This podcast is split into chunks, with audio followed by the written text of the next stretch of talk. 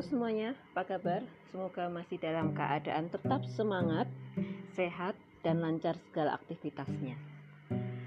Seperti yang kita berikan undangan semalam terkait dengan pembahasan kita selanjutnya untuk perkuliahan online ini, kita akan membahas mengenai manusia dan keragaman kalau sebelumnya kita sudah membahas mengenai gap generation jadi sudah membahas ternyata di masyarakat saat ini tidak hanya satu generasi saja yang ada tapi ada lima atau enam generasi sekaligus di dalamnya. Dan kemudian mengenai keragaman yang lainnya tentunya teman-teman semua sudah sering membicarakannya sering membahasnya kemudian juga sering menyimak mengenai hal satu ini yaitu mengenai gender. Menjadi hal yang sepertinya sudah menjadi hal yang sering uh, generasi muda bicarakan. Kalau saya melihat uh, perkembangan dari masa ke masa seperti generasi misalnya semakin majunya zaman melangkah ke depan pasti nanti akan semakin muncul banyak keragaman. Contohnya tadi aja dalam hal generasi tadi. Yang dulunya mungkin hanya ada satu, dua, sekarang sudah ada enam generasi atau empat sampai dengan lima generasi dalam satu lingkungan masyarakat sekaligus. Dan itu pasti juga akan menimbulkan berbagai uh, beraneka macam konflik, gesekan, dan juga dinamika dalam masyarakat. Nah, satu ini kita akan membahas mengenai gender. Sebetulnya apa sih itu gender?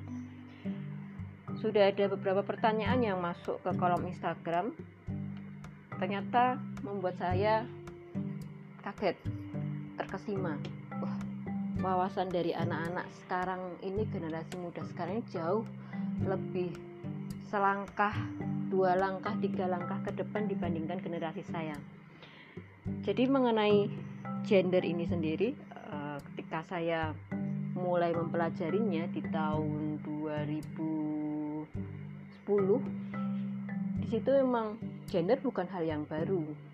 Tapi bagi masyarakat dan kemudian bagi mahasiswa perguruan tinggi gender masih menjadi pembahasan yang baru. Dan ketika di tahun 2010 itu saya dan juga beberapa teman mempelajari mengenai gender, kemudian mempraktikkannya atau memfasilitasikannya ke masyarakat, mereka masih bingung. Mereka masih bertanya-tanya mengenai gender atau uh, pemahamannya masih bisa dikatakan belum pas pada konteksnya mengenai gender. Dan ketika semalam saya membuka kolom di Instagram, untuk pertanyaan seputar gender. Pertanyaan-pertanyaan jauh lebih maju dibandingkan pada masa saya waktu itu. Pengetahuan wawasan mengenai gender kalian jauh lebih uh, di depan dibandingkan generasi saya. Tapi sebelum saya menjawab ke pertanyaan-pertanyaan yang muncul yang sudah sangat berat pertanyaannya yang ditanyakan kita perlu bahas dulu mengenai dasarnya dulu. Sebetulnya apa itu gender? Agar nantinya kita ke depan tidak salah dalam menafsirkan mengenai gender. Saya petakan kalau seandainya kita berada di kelas, saya menggunakan metaplan, kemudian akan saya petakan jawaban-jawaban dari teman-teman mahasiswa apa yang diketahui mengenai gender. Dari kolom WhatsApp yang sudah masuk, di sini ada beberapa jawaban gender laki-laki dan perempuan. Kemudian ada yang menjawab pembagian kerja. Ada yang menjawab perbedaan fungsi perilaku. Ada yang menjawab jenis kelamin. Kemudian ada yang menjawab pembagian kedudukan atau tugas. Kemudian ada juga jawaban pembagian peran, perbedaan peran, perbedaan karakteristik sifat dan kodrat. Kemudian feminisme dan maskulinitas. Patriarki. kemudian juga ada jawaban yang lainnya pengklasifikasian laki-laki dan perempuan kemudian karakteristik atau identitas peran, sifat, hak, dan kewajiban. Perbedaan kesempatan, perbedaan sifat, perbedaan pelakuan, jantan dan betina, puasa, perbedaan keadilan. Kemudian muncul juga jawaban yang lainnya dalam satu dua kata seperti ruang pembeda.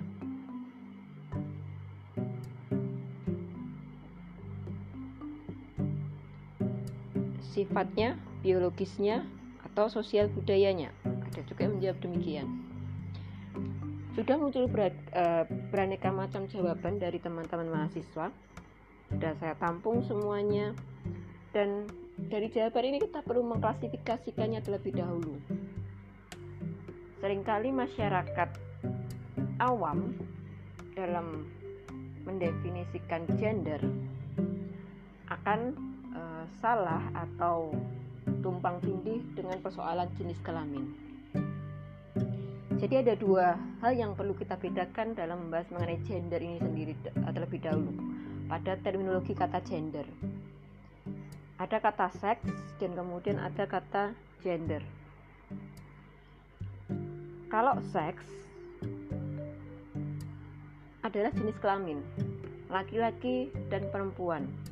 Maka sering kali uh, kesalahan yang muncul dalam kehidupan kita ketika kita mengisi dalam sebuah formulir. Di dalamnya tertulis seks, centang, laki-laki atau perempuan. Itu sudah betul. Jadi kalau membicarakan mengenai laki-laki atau perempuan itu adalah konteksnya pada seks atau jenis kelamin.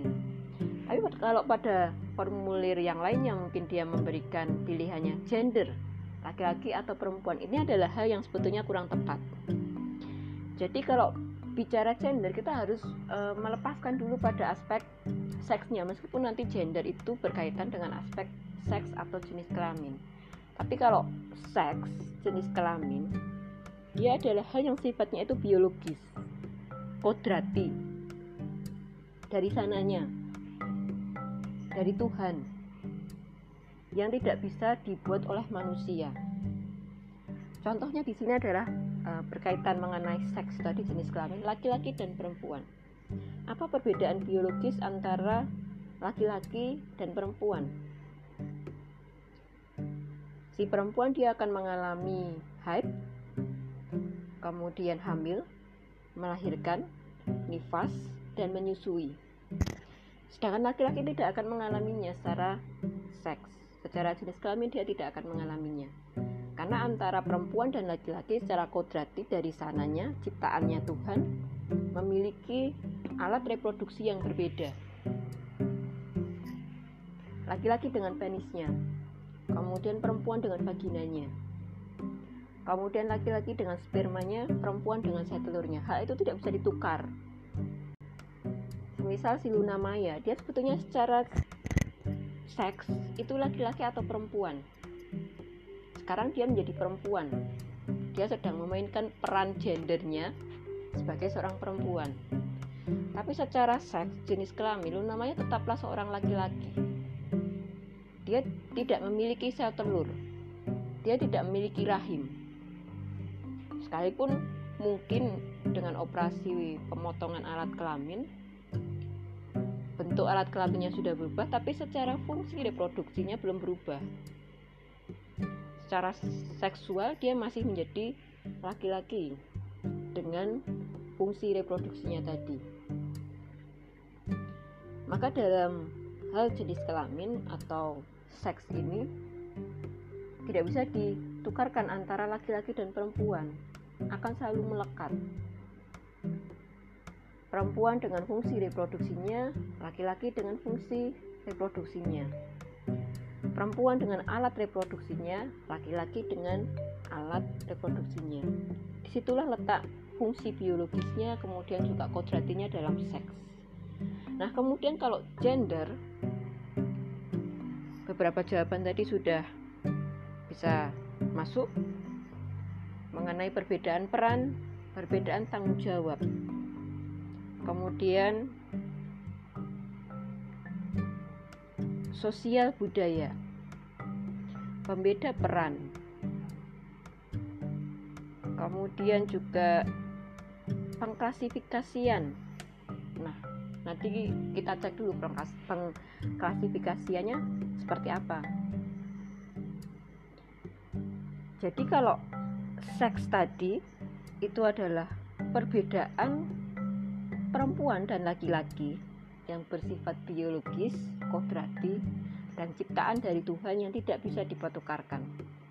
Sedangkan gender adalah perbedaan laki-laki dan perempuan yang dia diciptakan, dibentuk, dikonstruksikan oleh masyarakat dan bisa dipertukarkan. Sifatnya sendiri juga menjadi tidak sama antara satu tempat dengan tempat yang lain, antara waktu yang satu dengan waktu yang lainnya. Jadi tergantung di mana ruangnya, kapan waktunya.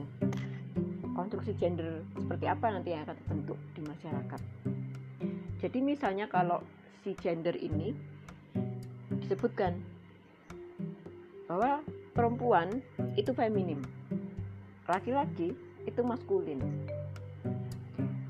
perempuan menyukai warna pink.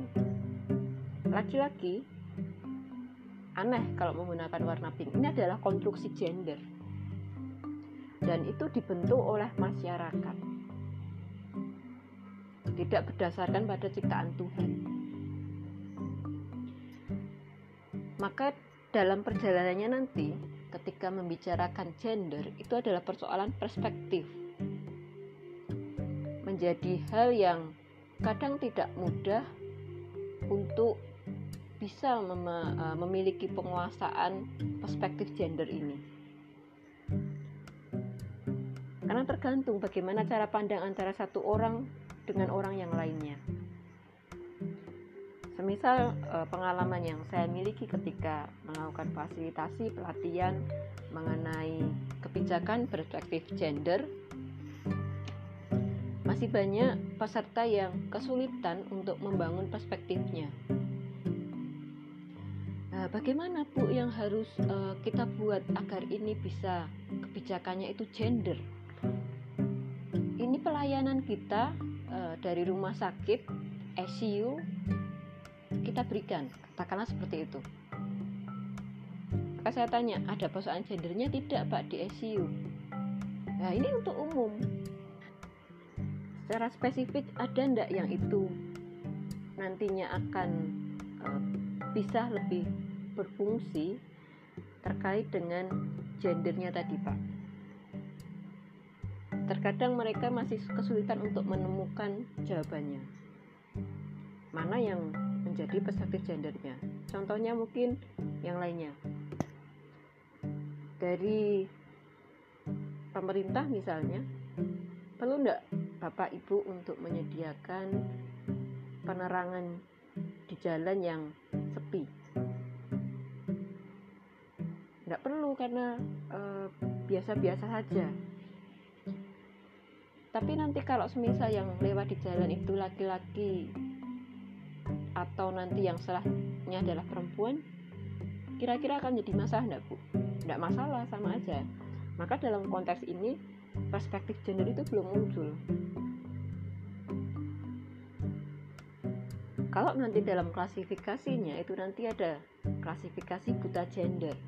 Jadi buta gender adalah orang yang masih belum memahami secara kafah, secara komprehensif mengenai apa itu gender. Ketika nanti dia sudah naik kelas, itu akan mulai masuk ke kategori responsif gender sudah paham oh gender adalah konstruksi yang dibuat oleh masyarakat.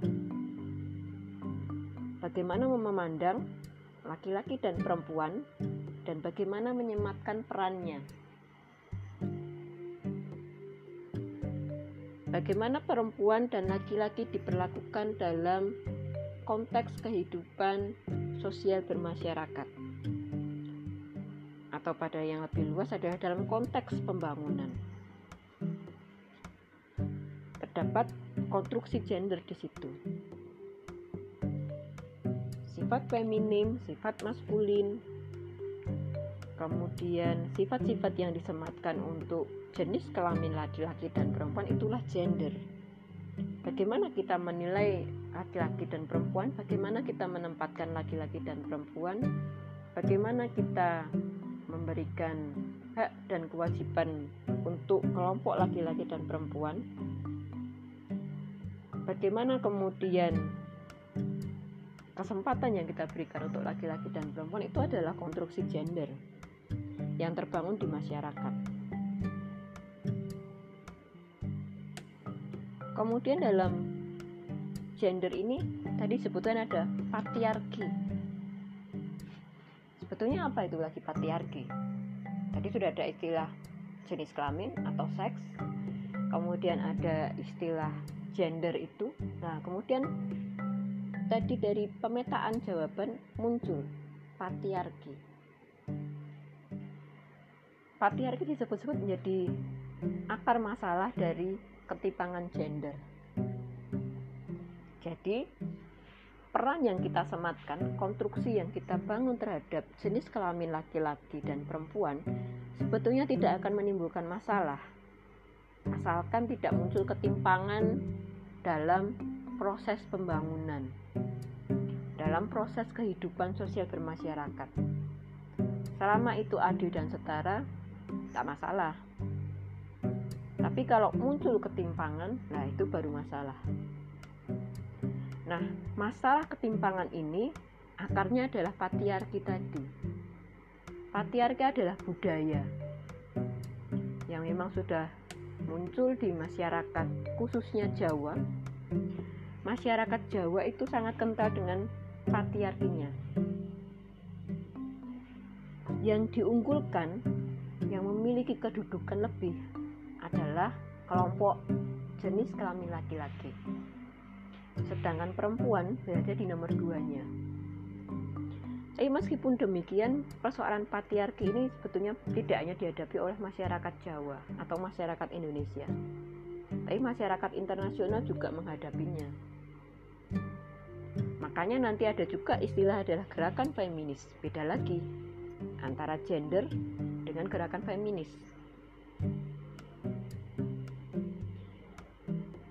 Dan ketimpangan gender ini tadi ada beberapa hal.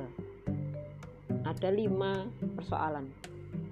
Yang pertama adalah kekerasan, kemudian beban ganda, kemudian stereotip parabela negatif, kemudian pemiskinan, kemudian subordinasi, kemudian diskriminasi. Ada 5 kalau tidak salah kekerasan, beban ganda, stereotip, subordinasi, dan marginalisasi. Itu menjadi persoalan mengenai ketimpangan gendernya.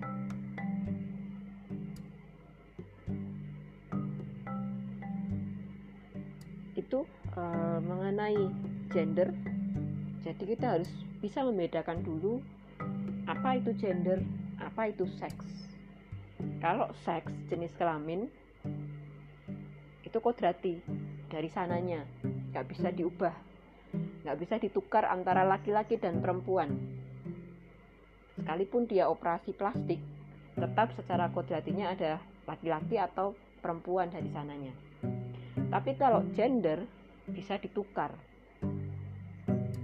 dia bisa berperan sebagai perempuan bisa berperan sebagai laki-laki, laki-laki bisa berperan dengan sifat perempuan.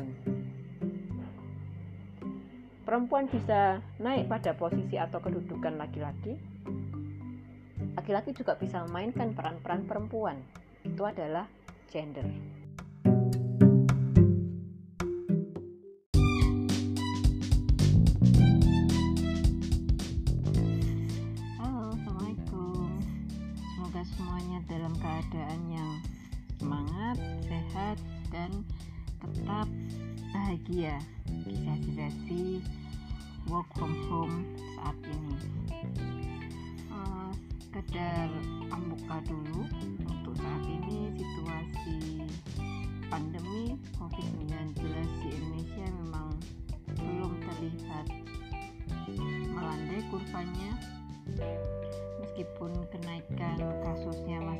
Fluktuatif naik turun tapi kita tetap harus waspada tetap di rumah saja dan lakukan hal-hal produktif di rumah.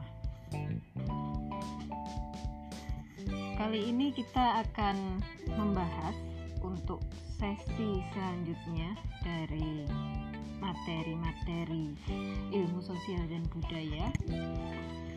Kita memasuki di topik mengenai keragaman.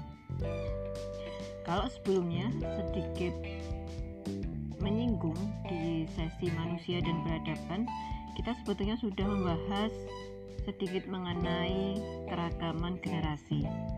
Bahwa saat ini di masyarakat sudah ada beberapa generasi sekaligus dalam satu lingkup lingkungan sosial. Ada satu generasi X, Y, baby boom, kemudian juga generasi Z di lingkungan kampus. Mungkin juga ada generasi baby boom, generasi X, generasi Y, generasi Z, dan kemudian juga generasi alpha di lingkungan sosial masyarakat yang lebih luas. Jadi keragaman generasi juga menjadi hal yang baru untuk uh, perkembangan konteks ilmu sosial dan kemudian juga perkembangan dinamika di masyarakat. Kali ini kita akan membahas mengenai gender. Saya mencoba tes kemarin di kolom Instagram dengan pertanyaan mengenai pengetahuan soal gender dalam satu sampai dengan dua kata yang dapat teman-teman sebutkan. Yang sudah menjawab sekitar 20-an, 22 atau 25. Di sini ada jawaban mengenai gender itu jenis kelamin. Gender itu maskulinitas dan feminitas. Kemudian pembeda, kemudian perbedaan karakter. Kemudian ada juga yang menjawab karakteritis pembeda atau perbedaan karakteritis kemudian ada yang menjawab beda kelamin ya pasti beda kelamin. Kalau kelaminnya sama nanti kelamin ganda. Jadi satu semuanya di situ. Kemudian ada yang menjawab mengenai perbedaan seksual perbedaan jenis kelamin. Ada juga jawaban mengenai identitas gender dan ekspresi gender kemudian perbedaan peran sosial gender itu mengenai kesetaraan gender kemudian mengenai pola pikir fisik dan karakter. Kemudian juga ada yang menjawab perbedaan peran. Ada juga yang menjawab mengenai gender itu menentukan suatu identitas. Ada juga jawaban yakni perbedaan peran sosial antara wanita dan laki-laki. Dari berbagai macam jawaban yang muncul dari teman-teman mahasiswa, yang perlu saya tegaskan pertama mengenai gender. Bahwa e, masyarakat awam itu sering e, masuk dalam ambi ambigu atau masuk ke dalam uh, hal yang sifatnya masih bingung membedakan antara gender dengan jenis kelamin.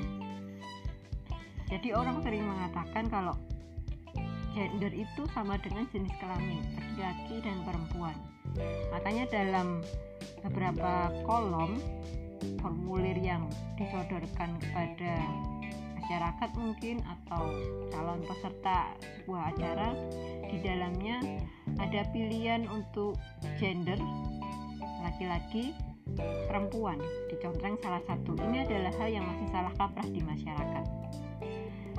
Kita harus bisa membedakan dulu terminologi gender dengan terminologi seks atau jenis kelamin.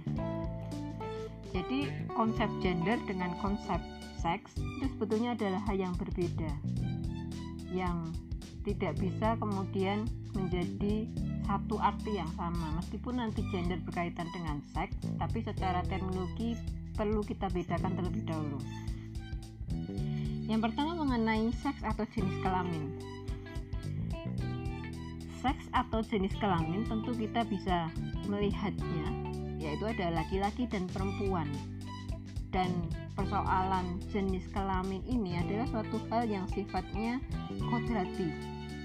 Sifatnya adalah ciptaan Tuhan. Dan kemudian sifatnya adalah tidak bisa ditukarkan antara satu dengan yang satunya. Kalau misal dia ada laki-laki, maka fungsi-fungsi reproduksinya, kemudian alat-alat reproduksinya adalah terlahir sebagai laki-laki. Begitu juga dengan yang perempuan. Ini adalah seks atau jenis kelamin. Jadi memang sudah dari sananya diciptakan oleh Tuhan seperti itu dengan kodratnya, dengan fungsi-fungsi dari alat reproduksinya. Misalnya saja seperti seorang perempuan dengan fungsi reproduksinya, organ reproduksinya dia nanti akan mengalami haid kemudian akan hamil melahirkan nifas dan kemudian menyusui perempuan memiliki sel telur.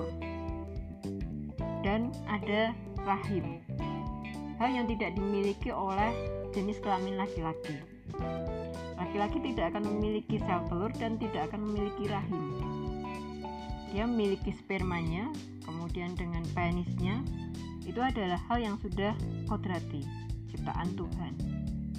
Maka contohnya kita bisa melihat Luna Maya misalnya namanya apakah laki-laki atau perempuan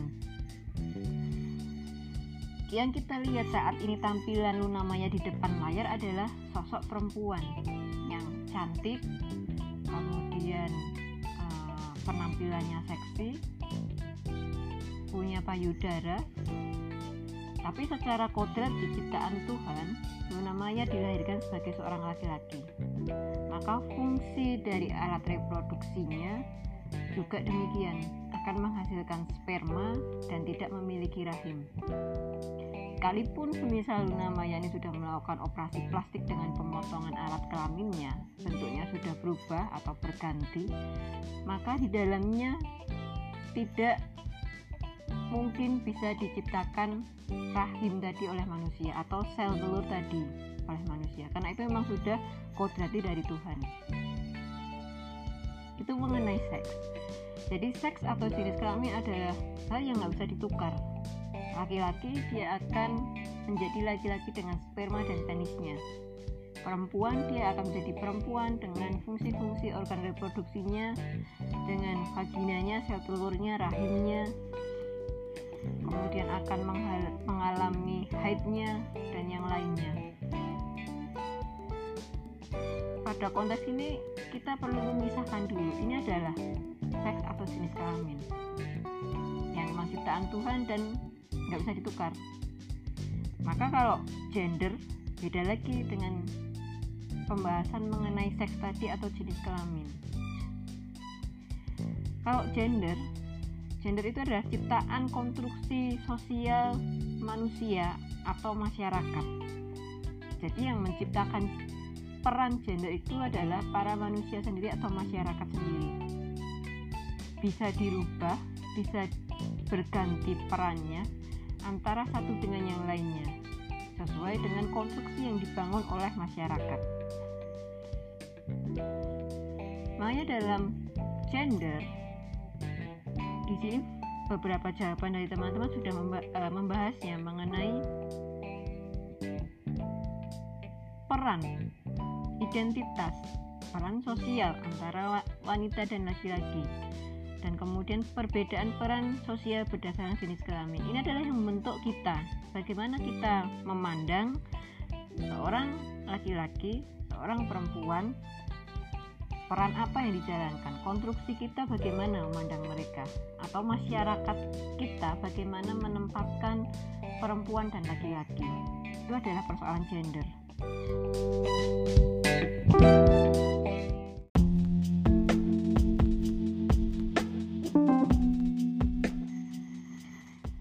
gender bukan hanya soal perbedaan laki-laki dan perempuan secara jenis kelaminnya tapi gender lebih kepada peran yang dimainkan atau konstruksi yang dibangun. Misalnya adalah dalam persoalan gender atau dalam pembahasan gender dengan konstruksi yang dibangun oleh masyarakat oleh cara pikir kita cara pandang kita terhadap jenis kelamin laki-laki dan perempuan adalah misalnya uh, perempuan itu feminim.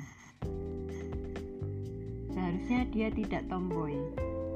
Dia berpenampilan feminim dan kemudian cantik. Ini adalah hal yang dibangun oleh konstruksi gender. Kemudian laki-laki adalah sosok yang maskulin.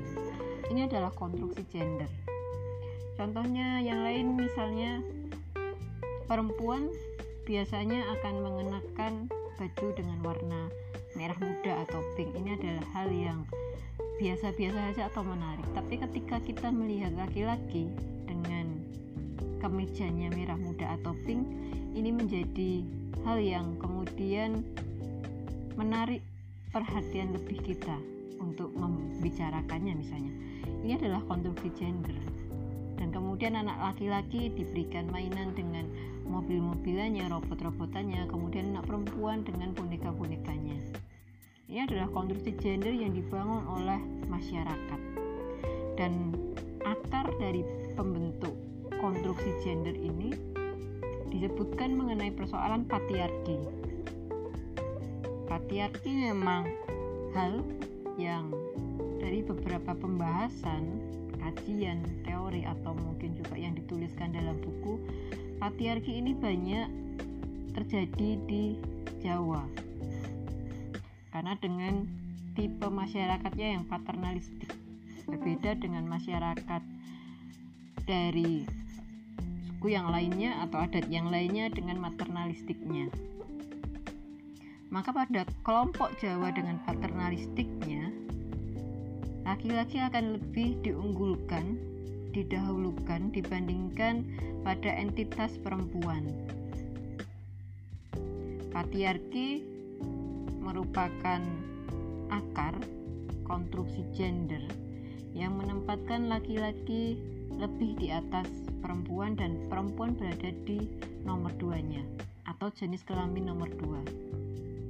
Meskipun demikian sebetulnya patriarki ini bukan hanya menjadi persoalan Jawa saja. Tapi persoalan patriarki, budaya patriarki ini sebetulnya juga dialami oleh entitas masyarakat dunia. Makanya nanti kalau di global muncul yang namanya pergerakan feminis. Nanti beda lagi antara gender dengan pergerakan feminis. Itu adalah konteks term terminologi yang sudah berbeda lagi. Meskipun banyak juga orang awam yang sekarang masih mengatakan bahwa gender sama dengan gerakan feminis. Jadi kalau gender itu adalah konstruksi yang dibangun bagaimana menempatkan laki-laki kemudian bagaimana menempatkan perempuan. Bagaimana memainkan perannya peran laki-laki atau peran perempuan. Itu itu adalah gender.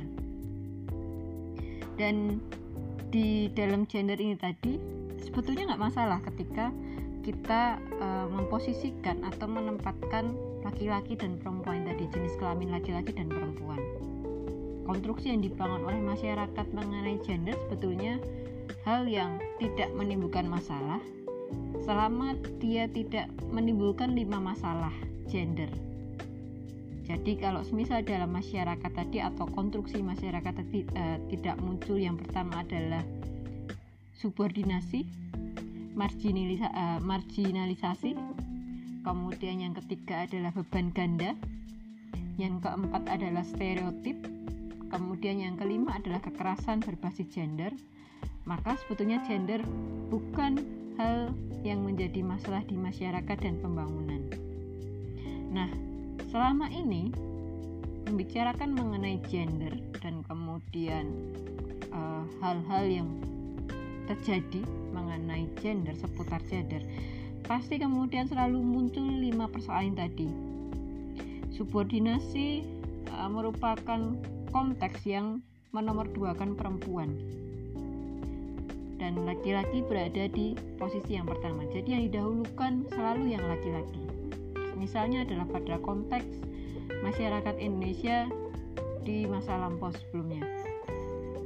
Pada konteks itu tingkat, uh, tingkat kemiskinan yang tinggi dan kemudian masih rendahnya tingkat pendidikan masyarakat Indonesia, maka yang boleh bersekolah terlebih dahulu bersekolah setinggi-tingginya adalah entitas penduduk laki-laki. Yang perempuan nanti selalu dinomorduakan atau dalam masyarakat Jawa misalnya dia mengatakan use biar masnya dulu yang sekolah. Atau kamu nggak perlu sekolah nggak apa tanduk wong nanti akan masuknya di dapur sumur kasur. Ini adalah persoalan subordinasi yang sebetulnya tidak boleh karena entitas laki-laki dan entitas perempuan sama-sama memiliki kesempatan yang sama dalam aspek pendidikan. Pendidikan untuk semua laki-laki dan perempuan. Maka dalam masyarakat dengan ketimpangan gendernya itu tadi subordinasinya muncul masalah. Pada akhirnya perempuan mengalami ketertinggalan yang jauh dibandingkan entitas laki-laki. Mereka bisa maju sedangkan perempuan yang menjadi tertinggal. Yang kedua adalah marginalisasi. Marginalisasi merupakan pemiskinan perempuan. Karena jenis kelaminnya perempuan, konstruksi yang dibangun oleh masyarakat dengan atau pada entitas perempuan tadi, maka dia tidak membutuhkan keuangan atau pendapatan yang lebih banyak dibandingkan entitas laki-laki. Persoalan yang mengikutinya adalah subordinasi tadi bahwa yang di nomor satu kan ada laki-laki dulu, sedangkan perempuan dipinggirkan. Maka rentetan keduanya adalah muncul marginalisasi. Bahwa perempuan kemudian diberikan upah yang rendah karena dia bukan yang nomor satu. Sehingga di sini muncul yang namanya pemiskinan bagi perempuan, feminisasi kemiskinan. Jadi buruh perempuan dengan upah rendah, kemudian uh, rendahnya posisi yang diberikan untuk perempuan dalam dunia kerja. Ini adalah persoalan-persoalan marginalisasi. Kesempatan yang diberikan juga harusnya sama antara entitas laki-laki dengan entitas perempuan. Kemudian persoalan ketimpangan yang ketiga adalah stereotip. Stereotip merupakan hal yang sifatnya adalah pelabelan negatif terhadap salah satu jenis kelamin dan yang lebih banyak mendapatkan stereotip gender ini adalah entitas perempuan. Kembali lagi ke persoalan yang pertama, karena subordinasi tadi mengunggulkan yang laki-laki pada konteks budaya patriarkinya tadi, maka yang diberikan uh, label negatif lebih banyak jatuh kepada perempuan. Padahal bisa, padahal bisa juga sama-sama uh, entitas laki-laki dan entitas perempuan mungkin melakukan kesalahan yang perlu dilihat sama di depan hukum. Baik itu norma, nilai yang berlaku di masyarakat, hukum yang tidak tertulis dan hukum yang tertulis. Pada kasus stereotip misalnya, ketika perempuan mengalami kekerasan dalam rumah tangga atau mungkin kekerasan berbasis gender, stereotip yang muncul biasanya yang salah adalah perempuan ya bukan entitas laki-lakinya. Padahal secara konteks relasi, relasi gender yang muncul, bisa saja di sini kesalahan memang muncul dari entitas laki-lakinya. Karena relasi kuasa yang muncul antara entitas laki-laki dengan entitas perempuan dalam relasi gender. Maka stereotip negatif atau pelabelan negatif mestinya tidak ada dalam konteks relasi gender ini tadi. Bisa saja keduanya salah atau sebetulnya mana yang salah itu perlu dilihat tanpa melihat dengan kacamata ketimpangan gender ini tadi, stereotipnya tadi. Kemudian yang keempat adalah beban ganda. Kembali lagi kepada persoalan subordinasi dan marginalisasi bahwa perempuan yang terpinggirkan, bahwa perempuan mengalami pemiskinannya, upah rendahnya. Kemudian perempuan akan mengalami yang namanya beban ganda. Dia masih harus bekerja di sektor publik, di ranah publik, dan dia harus menyelesaikan pekerjaannya di ranah domestik atau ranah rumah tangga. Jadi, jadi harus bekerja dan kemudian harus menyelesaikan pekerjaan-pekerjaan rumah tangga. Padahal sebetulnya pekerjaan domestik itu tidak berjenis kelamin. Jadi bisa dikerjakan antara keduanya, laki-laki dan perempuan secara bersama-sama. Saling bekerja sama untuk mengerjakan pekerjaan domestik dan bisa sama-sama meraih kesuksesan atau pekerjaan di ranah publiknya. Dan beban ganda ini kembali lagi kepada persoalan subordinasi tadi. Maka dilekatkan beban ganda ini domestik itu adalah miliknya perempuan dipisahkan antara publik dengan domestik. Domestik miliknya perempuan publik miliknya laki-laki. Ini adalah ketimpangan gender yang dibangun oleh masyarakat. Sebetulnya tidak ada pemisahan antara domestik dengan publik. Laki-laki dan perempuan sama-sama bisa menempati domestik atau publik ini atau bisa juga sama-sama mengelola keduanya di ranah publik dan ranah domestik. Dan kemudian yang kelima adalah mengenai kekerasan berbasis gender. Baik itu fisik, psikologis maupun kekerasan seksual. Lalu yang banyak ditujukan dalam kekerasan berbasis gender ini lebih banyak muncul korbannya adalah di pihak perempuan. Kembali lagi ke persoalan yang pertama mengenai subordinasi. Subordinasi pada akhirnya membentuk relasi kuasa di mana laki-laki berada pada posisi yang lebih tinggi dibandingkan perempuan tadi. Maka kekerasan berbasis gender berakar dari persoalan subordinasi ini. Maka yang pertama tadi subordinasi, kemudian dia menghasilkan juga pada marginalisasi, kemudian dia membawa juga kepada stereotip, kemudian ke beban ganda, dan kemudian juga kekerasan berbasis gender. Subordinasi berkaitan dengan budaya patriarki yang ada di masyarakat dan itu harus diputus pada konteks generasi-generasi berikutnya. Bahwa equal, kesetaraan dan keadilan gender bisa dilakukan oleh masyarakat tanpa ada ketimpangan gender yang terjadi di masyarakat. Jadi dalam entitas kelompok laki-laki dengan entitas kelompok perempuan bisa melakukan yang namanya equal partner melakukan pekerjaan di ranah domestik melakukan pekerjaan di ranah publik secara seimbang bersama kerjasama dan kemudian setara dan adil pada konteks ini bukan berarti 50 banding 50 porsinya sama tidak seperti itu juga tapi disesuaikan dengan kebutuhannya seberapa banyak kebutuhan yang dibutuhkan oleh entitas perempuan, seberapa banyak kebutuhan yang dibutuhkan oleh entitas laki-laki. Di situlah letak keadilan dan kesetaraan gender. Maka dalam konteks pembangunan, pembangunan juga perlu melihat persoalan gender ini di masyarakat. Bagaimana melibatkan entitas laki-laki dengan entitas perempuan secara adil dan setara dalam proses pembangunan.